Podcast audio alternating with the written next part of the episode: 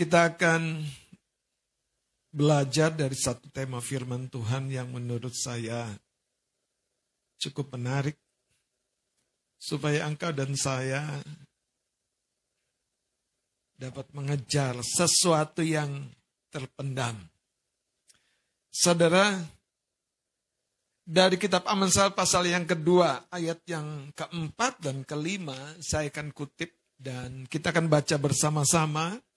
Amsal pasal 2 ayat 4 dan 5, mengejar yang terpendam. Kita baca dari ayat 4, 2, 3. Jikalau engkau mencarinya seperti mencari perak dan mengejarnya seperti mengejar harta terpendam, maka engkau akan memperoleh pengertian tentang takut akan Tuhan dan mendapat pengenalan akan Allah. Saudara ayat ini menurut saya sebetulnya terlalu sederhana. Dan di sinilah sebetulnya kita harus menyadari bahwa yang terdalam dari kehidupan ini, kalau Anda belajar ilmu fisika, yang namanya inti atom itu sebetulnya justru sangat sederhana.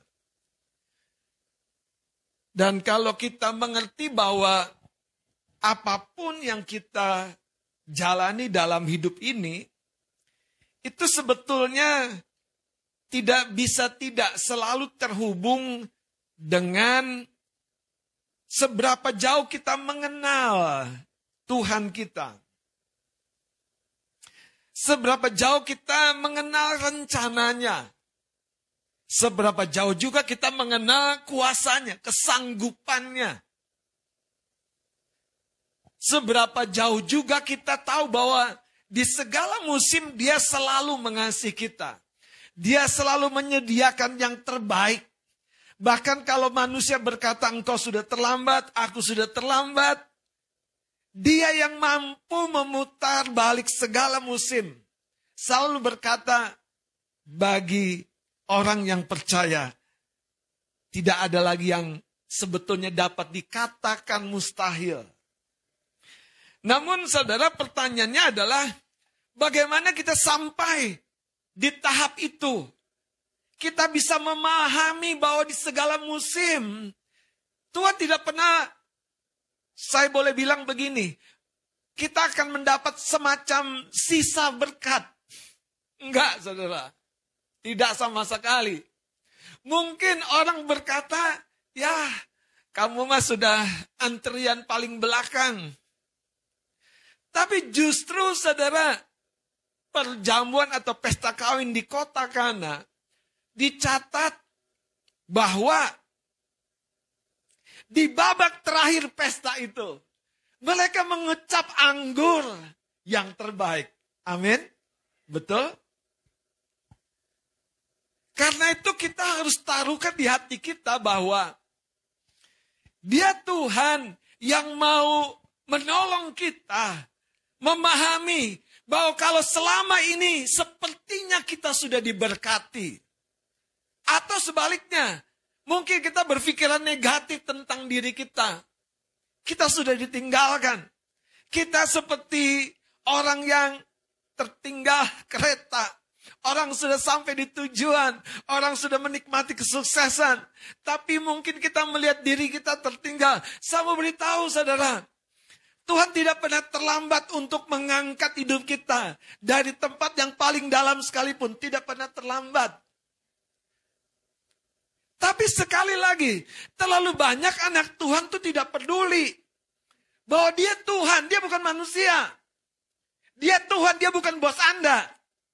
Yang kalau menilai Anda gagal dalam pekerjaan dan Anda Dipotong ini, dipotong ini, Anda terlambat, dipotong ini. Anda tidak selesaikan tugas, dikoreksi ini. Dia bukan bos dan pribadi yang akan menggaji Anda menurut prestasi Anda. Dia Tuhan, dia Bapamu, katakan amin. Hari ini, saudara,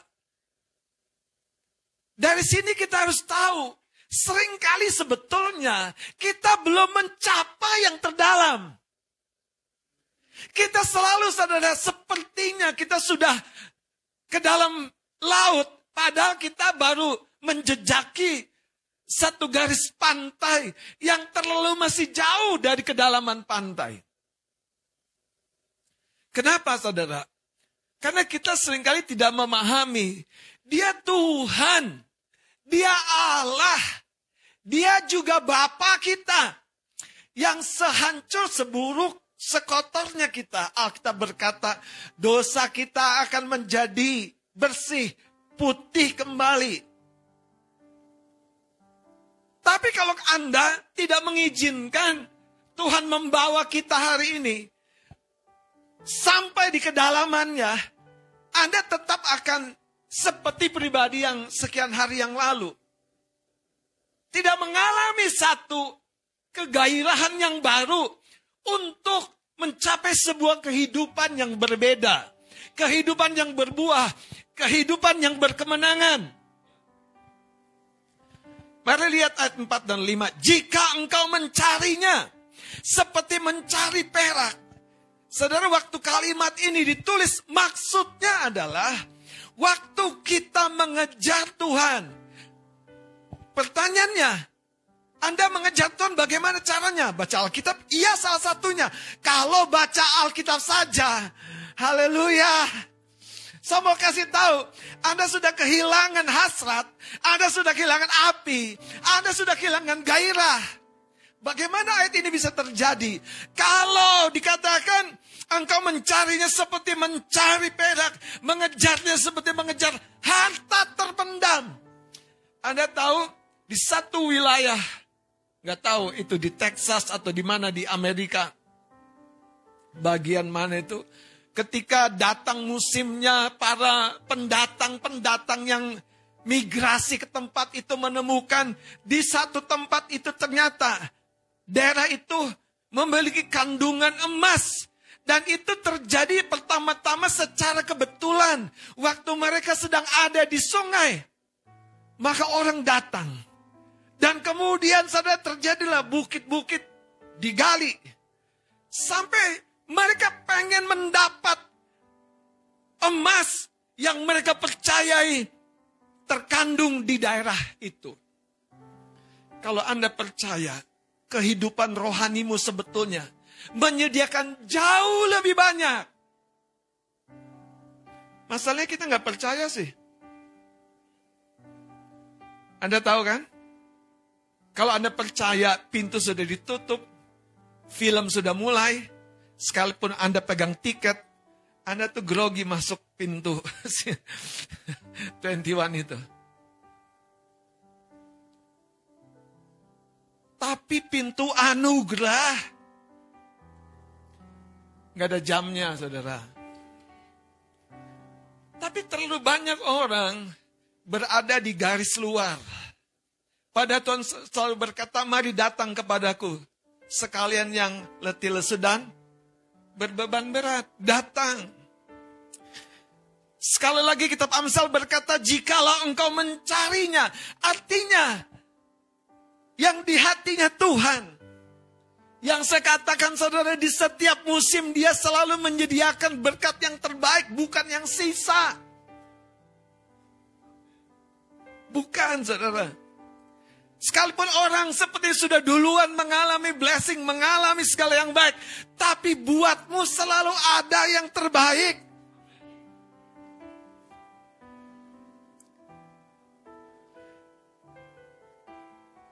Sekali lagi kalau Anda baca cerita tentang seorang wanita mandul namanya Hana. Dia bahkan menulis. Yang lebih duluan justru segera akan layu. Tetapi yang kemudian melahirkan banyak anak memang betul. Karena orang-orang yang berharap kepada Tuhan. Alkitab berkata, dia tidak akan mengalami musim layu, saudara. Haleluya. Saudara hari ini Tuhan mau berkata begini, dia menginginkan anak-anaknya itu menunjukkan kesungguhan dan upaya yang kuat untuk mendapat kekayaan rohani yang sebetulnya tersedia dalam kehidupan kita. Sudah, sudah tersedia. Cuman masalahnya, seperti cerita Hana, kalau kita terjebak di ritual datang tiap-tiap tahun kalau cerita Hana, nggak ngalami apa-apa sampai dia memberikan waktu. Anda ingat pesan Tuhan? Pada hari Minggu yang lalu, semua kita tuh diberikan amplop. Dan masing-masing amplop itu punya ketebalan yang berbeda-beda. Saya bersama dengan Ibu Gembala membahasnya dalam, membahasnya. Dan Ibu Gembala bilang, amplop itu rasanya bukan hanya berbicara tentang sebatas surat di dalamnya. Isi amplop itu bisa berupa uang. Bisa berupa sebuah cek. Karena dikatakan ketebalannya berbeda. Bisa berupa sebuah map atau bisa berupa sebuah undangan. Tapi pertanyaannya, kita semua punya tanggung jawab untuk membukanya. Anda nyimak gak sih pesan Tuhan kemarin? Saya ragukan nih Anda menyimak sungguh-sungguh. Menyimak gak? Jadi kalau saya ngomong nyambung gitu maksud saya. Nyimak gak? Kalau nggak nyimak susah saudara. Kenapa? Poin yang terakhir itu. Poin yang terakhir itu. Kita yang masing-masing harus membukanya. Nah, Anda tidak pernah bisa membuka kalau Anda tidak punya meluangkan, tidak bisa meluangkan waktu. Tidak bisa meluangkan waktu.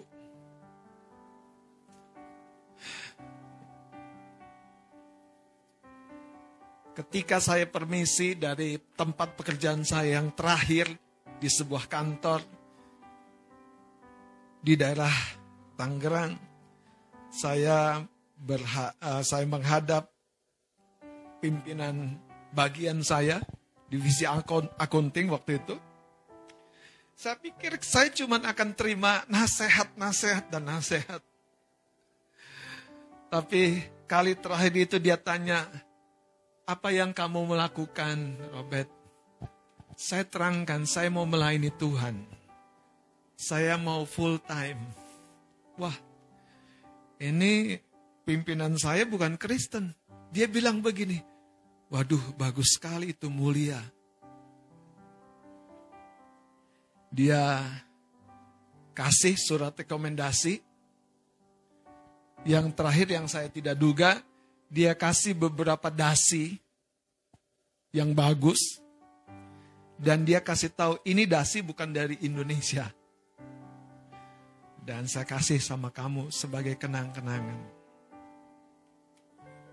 Saudara nggak mengharapkan kejutan dari Tuhan. Anda pikir Tuhan nggak punya kekayaan, kelimpahan dan kebaikan dan kasih sayang. Karena Anda nggak pernah belajar lebih dalam lagi mencari dia, mengejar dia. Saudara, jangan kehilangan kegairahan. Sekalipun Anda sudah terima amplop, Anda harus punya kegairahan, punya waktu sendiri ngobrol sama Tuhan. Bahkan saudara, simpelnya, datangi kami.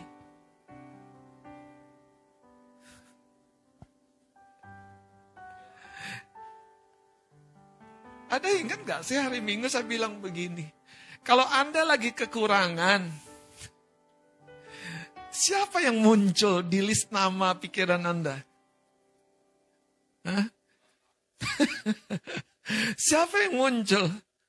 Apakah saya ada di dalam pikiran Bapak Ibu, teman-teman?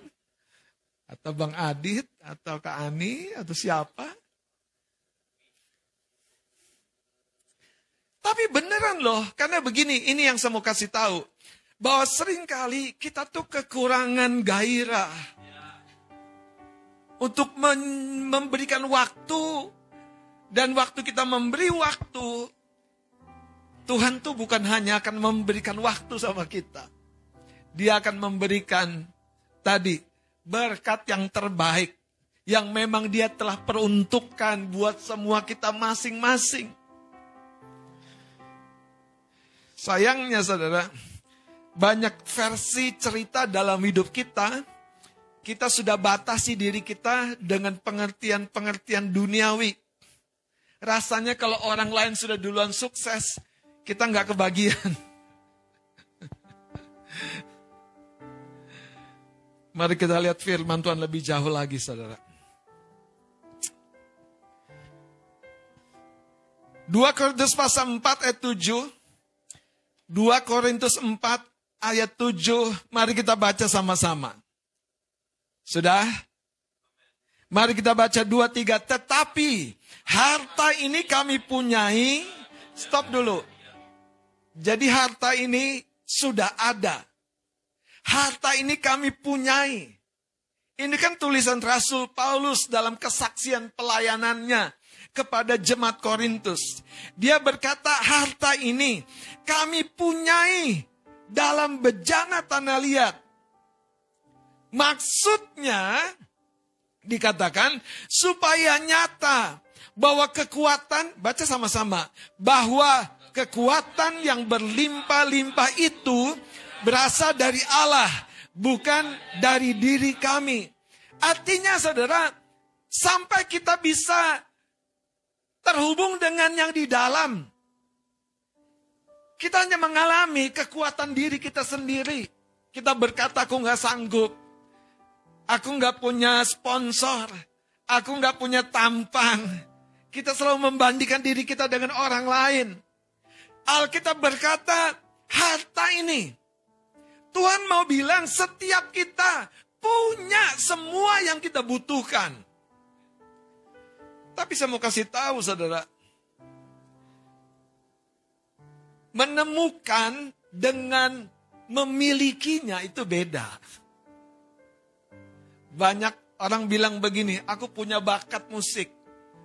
Tapi mengetahui hanya di garis pantai, Ya main gitar dikit-dikit, main piano dikit-dikit, main gendang dikit-dikit, main drum dikit-dikit. Aku punya bakat seni. Ya kadang-kadang kalau lagi acara aku baca puisi kadang-kadang. Aku ciptakan lagu sih kadang-kadang. Itu yang saya kasih tahu saudara. Emas itu adanya di dalam. Anda harus explore anda harus izinkan kehidupanmu digali, diolah. Dan Anda harus tahu, kalau engkau tidak bergairah mengejarnya, kita tidak akan menemukan sebaik-baiknya yang sudah Tuhan sediakan sebetulnya. Makanya Rasul Paulus berkata, tetapi harta ini kami punyai.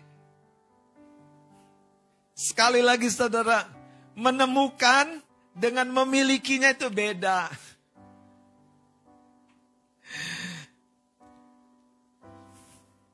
Mari kita akan lihat sebuah cerita yang Tuhan Yesus sendiri sampaikan.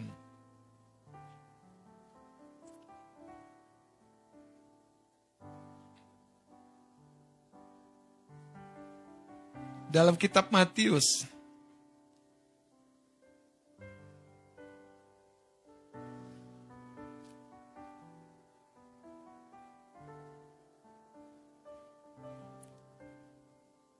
Sebentar saya temukan ayatnya.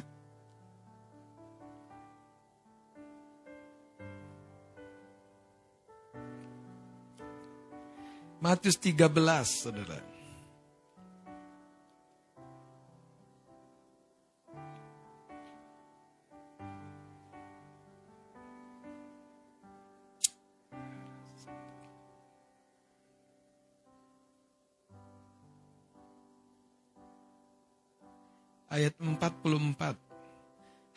Kerajaan sorga itu seumpama apa?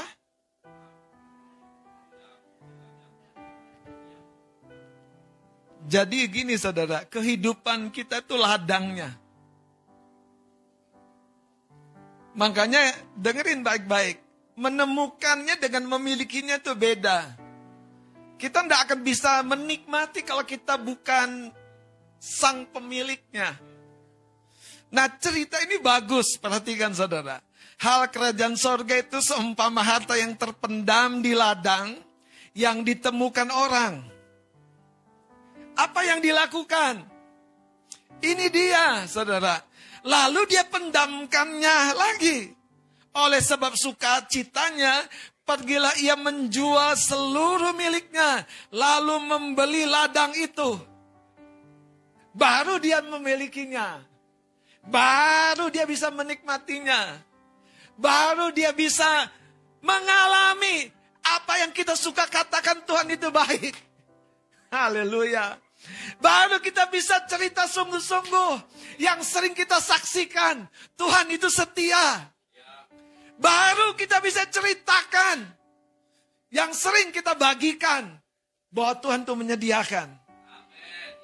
Makanya mengetahui dengan memiliki itu beda.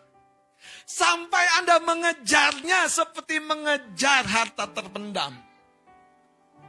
Anda tidak pernah bisa sungguh-sungguh memilikinya, saudara. Kenapa? Karena dia di dalam. Karena dia terpendam. Karena bagi beberapa orang bahkan, dia misterius harta itu. Kekayaan itu. Kebaikan Tuhan itu. Sesuatu yang memang dia sediakan, Tuhan sediakan bagi kita. Misterius. Kenapa saya katakan misterius?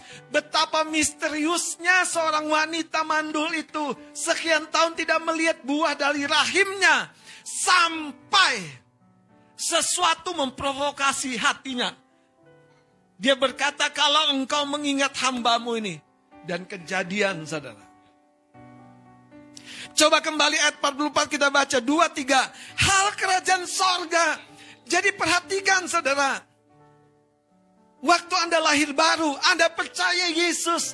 Itu yang saya bilang, Anda mengetahui. Tapi kalau Anda tidak mengejarnya, kita sukar untuk memilikinya. Hal kerajaan sorga sumpah harta terpendam. Harta terpendam. Di mana? Ladang ini bisa pelayananmu. Ladang ini bisa pekerjaanmu. Ladang ini bisa keluargamu. Mungkin kau berkata, mana mungkin om. Keluarga aku gak ada tanda-tandanya. Melahirkan aku sebagai orang sukses. Kalau Anda baca cerita setiap orang sukses bahkan yang belum percaya kepada Yesus. Itu bukan masalah lahir di mana. Tapi bagaimana orang-orang ini bisa mengejarnya, katakan amin bisa mengejarnya, saudara. Haleluya.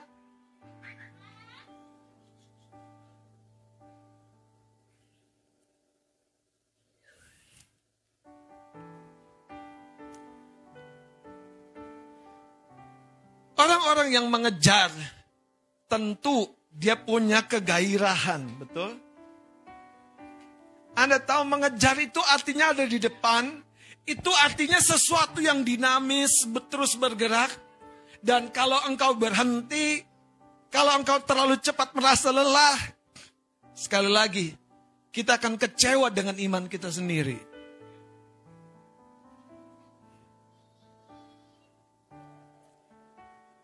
Lukas 13 ayat 24. Ayo kita baca sama-sama, kita bangkit berdiri.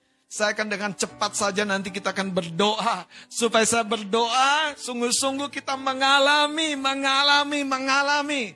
Bukan hanya mengetahui, tapi mengalami, saudara, mengalami. Haleluya.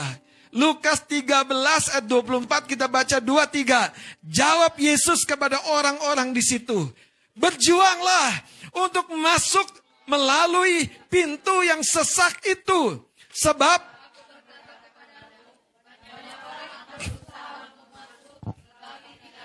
Baca kalimat terakhirnya. Banyak orang akan berusaha masuk. Tetapi, jadi siapa yang bilang kekristenan itu sesuatu yang enteng, mudah, percaya saja. Pasti engkau akan mengalami. Masalahnya level percayanya di mana saudara? Kalau kita bicara tentang keselamatan, ya. Tapi kalau kita bicara tentang buah kehidupan kita, itu tidak sesederhana itu. Ayat ini bahkan berkata, berjuanglah ini Tuhan kita yang berkata. Berjuanglah untuk masuk melalui pintu yang sesak. Kadang-kadang saudara, dalam kebodohan saya, saya bertanya kepada Tuhan, Tuhan, kenapa sih jadi orang Kristen perlu berjuang? Ketawa kan? Kayaknya aneh kan? Pada sering kali dalam hidup kita, baca Alkitab aja nggak mau berjuang. Doa aja nggak mau berjuang. Betulan. Kalau ke gereja aja selalu terlambat, di mana perjuanganmu?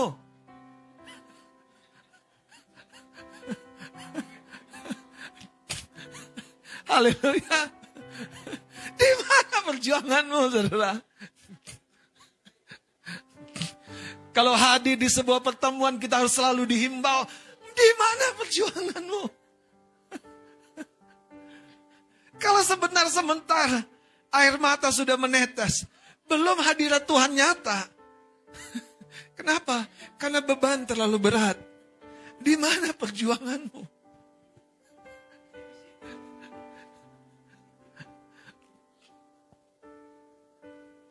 Kadang-kadang ya, saya melihat kalau kita masih menghadapi masalah yang sama, problem yang sama, ketakutan yang sama, di mana perjuanganmu? 12 tahun tidak sia-sia dari perjuangan seorang wanita. Kenapa? Ujungnya dia mengalami Yesus.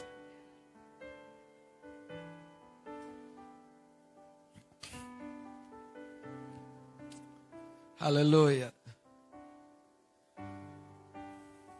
Tuhan ingin membangkitkan gerejanya yang kuat.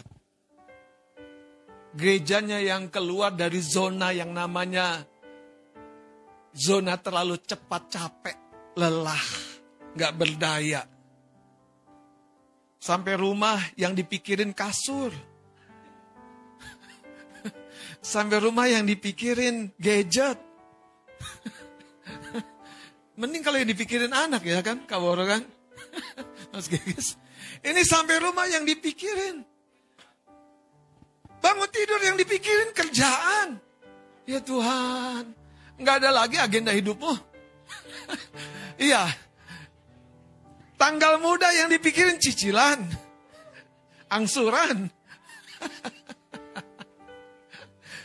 Ayo tepuk bawah kanan kirimu. Coba tanya, di mana perjuanganmu?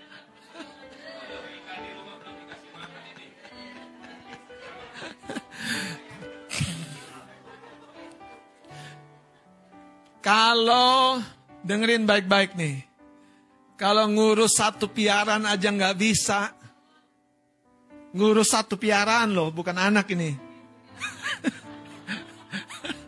ngurus satu piaraan aja masih nggak bisa. Haleluya. Daud itu saudara dilatih membela dua tiga ekor kambing domba, tapi lawannya siapa? Singa, lawannya siapa? Beruang. Di mana perjuanganmu? Daud dikasih tugas berangkat pagi-pagi. Apakah dia lupa membuka pintu kambing dombanya? Alkitab mencatat Daud bangun pagi-pagi, membawa kambing dombanya kepada penjaga. Kemudian dia melanjutkan tugasnya. Ini orang yang jenisnya pasti ada di puncak. Karena dia sukar untuk mengeluh. Sukar untuk membantah. Terutama kepada otoritas yang Tuhan berikan dalam hidupnya. Karena dia tahu dari sana blessingnya. Sudah pengen duduk? Di mana perjuanganmu?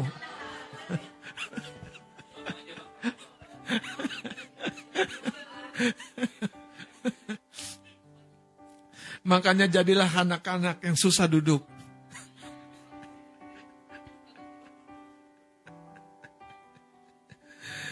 Saudara,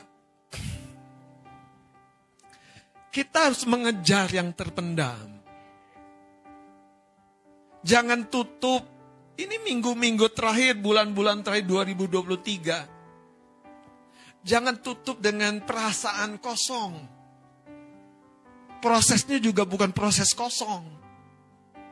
prosesnya itu proses dalam progres. Progres yang proses. Ada orang alasan proses. Mana progresnya? Masih proses. Haleluya. Silakan duduk.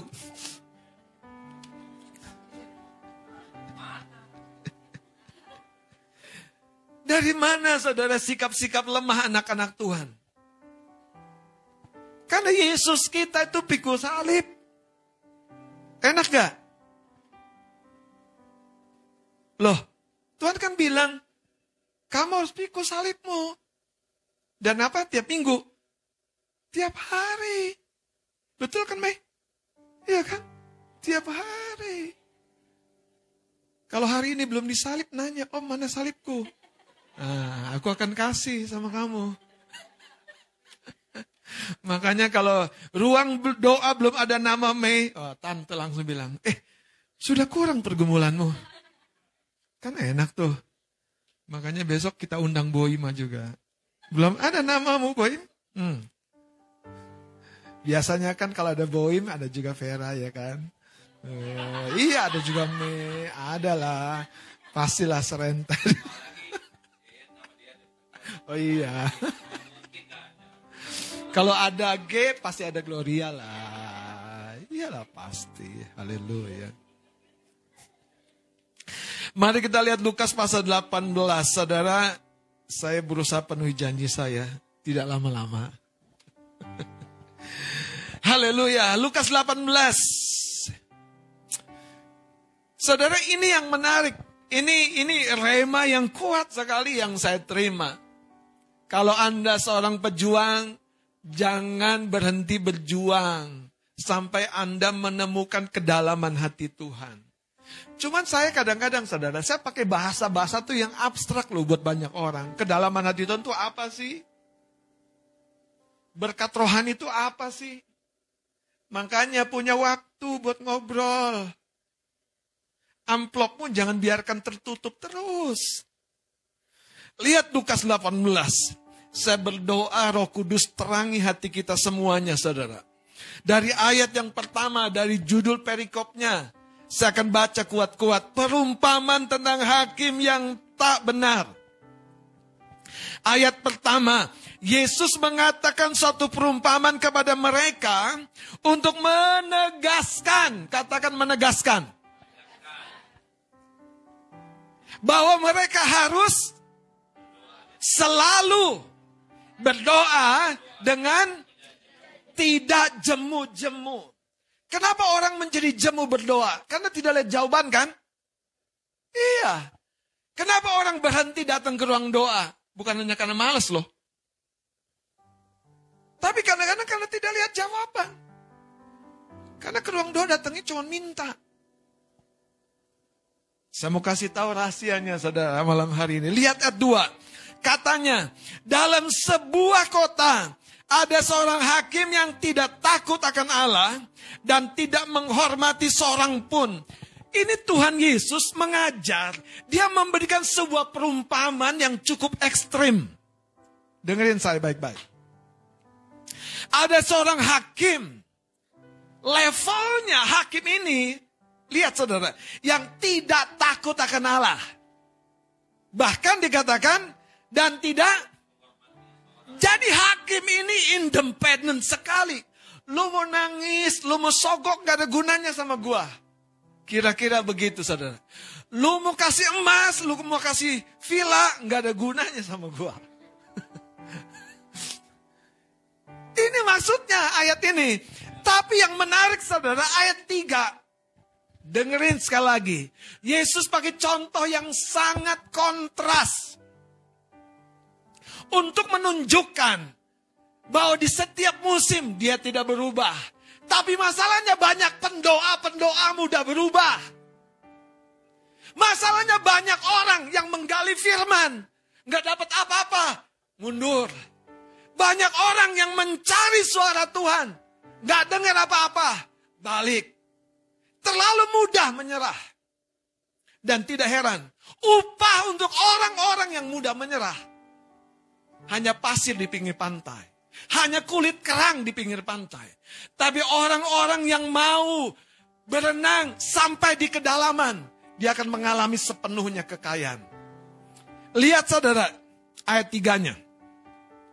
Dan di kota itu ada seorang janda yang selalu datang kepada hakim itu dan berkata apa? Belalah aku terhadap lawanku. Selalu datang kepada hakim itu. Kelemahan hakim ini yang tidak takut akan Allah dan tidak hormat sama manusia mana pun adalah dia punya pintu terbuka. Makanya saya kasih tahu, masalah banyak kita terlalu mudah mundur, terlalu mudah menyerah, terlalu mengasumsikan Tuhan tidak jawab, Tuhan tidak bela. Tapi lihat poinnya yang saya mau tunjukkan sana. Ayat 4. Beberapa waktu lamanya hakim itu apa? Kalimat berikutnya ini rahasianya. Tetapi kemudian ia apa? ia berkata dalam hatinya. Waktu janda ini datang terus, datang terus. Hakim ini tidak ambil peduli. Tapi waktu janda ini terus dan datang terus, hakim ini tidak ambil peduli. Mungkin hakim itu siapa? Lu. Tapi karena keseriusan janda ini, ketekunan janda ini, Alkitab mencatat hakim itu mulai berkata dalam hatinya. Tuhan ingin doa kita tuh menyentuh hatinya. Sampai yang dia berkata, nak jatahmu masih lama.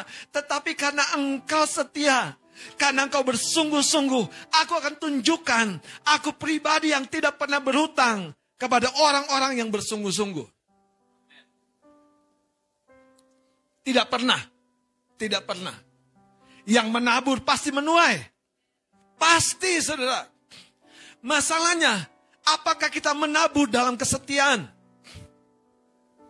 Coba baca ayat 4 ini saya perhatikan. Beberapa waktu lamanya hakim itu menolak. Artinya dia tidak ambil peduli.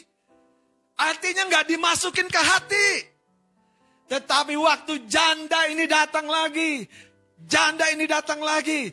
Dia mengejar saudara. Dia mengejar saudara. Dia mengejar satu harta. Yang ada di dalam hakim itu. Yaitu hatinya. Hatinya saudara. Dan ketika kedalaman hati hakim ini tergugah. Sesuatu yang tidak mungkin terjadi. Saya baca dengan cepat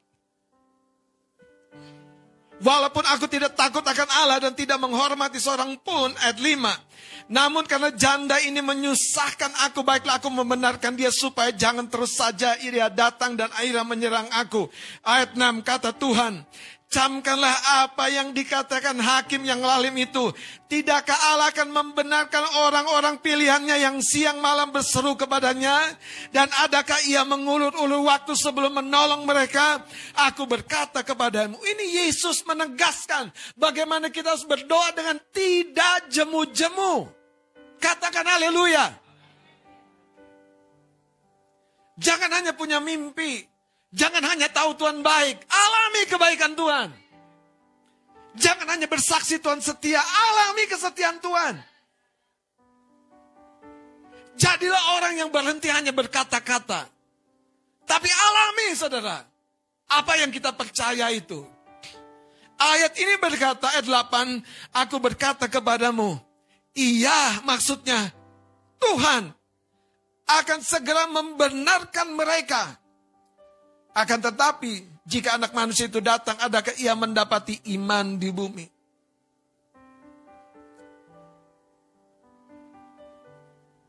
Ayat ini sangat jelas, saudara. Ayat empatnya. Beberapa waktu lamanya hakim itu menolak. Tetapi kemudian sesuatu masuk di kedalaman hatinya.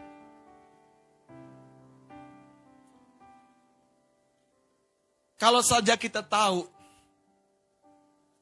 kegairahan kita itu dituntut untuk mengalami.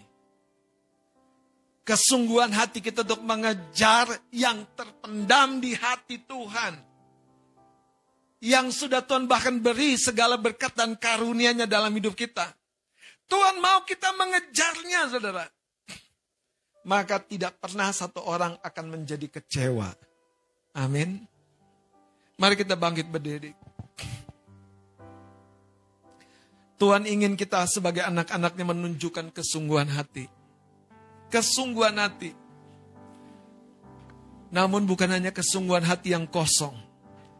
Tapi sebuah upaya, sebuah tindakan, sebuah langkah. Anda harus paham ini. Kesungguhan hati. Tapi bukan hanya kesungguhan hati, sebuah upaya, sebuah tindakan. Yang membuat saudara, apa yang ada di dalam hidup kita, apa yang ada di dalam hatinya Tuhan, akan dinyatakan. Bukan nanti, bukan bulan depan, bukan tahun depan.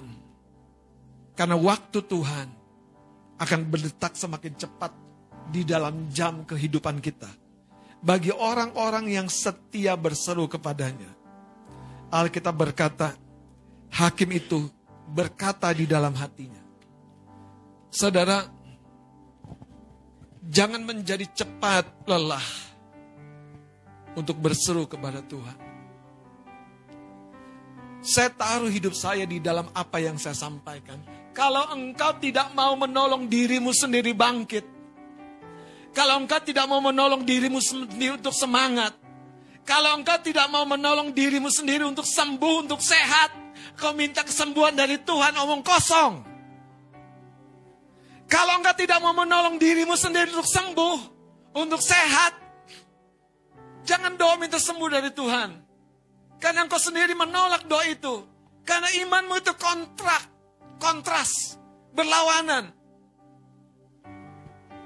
Banyak orang saudara tidak memahami kebenaran ini. Mereka mau dilawat Tuhan. Tapi mereka tidak mau bersungguh-sungguh mencari hadirat Tuhan. Mau dengar suara Tuhan. Tapi tidak punya waktu untuk menantikan Tuhan. Dengerin saya. Kita sebagian besar oleh zaman ini tercetak jadi generasi instan. Betul nggak? Mau cari inspirasi, buka apa? Buka apa? Instagram. Buka apa? YouTube. Buka apa? Tapi berapa banyak Anda menantikan Tuhan? Iya boleh. Tapi habis itu Anda luangkan waktu sungguh-sungguh. Saya mau memanggil pendoa-pendoa, jangan menyerah. Ubah bukan hanya dirimu, tapi keluargamu. Maka Anda punya motivasi lebih kuat untuk tidak menyerah. Karena banyak orang sebetulnya itu egois. Kalau diajarin berjuang untuk dirinya sendiri, justru aneh. Dia mudah bosen. Begini aja udah gak apa-apa. Tapi ingat, engkau lahir bukan hanya untuk dirimu sendiri. Amin. Mari kita datang kepada Tuhan.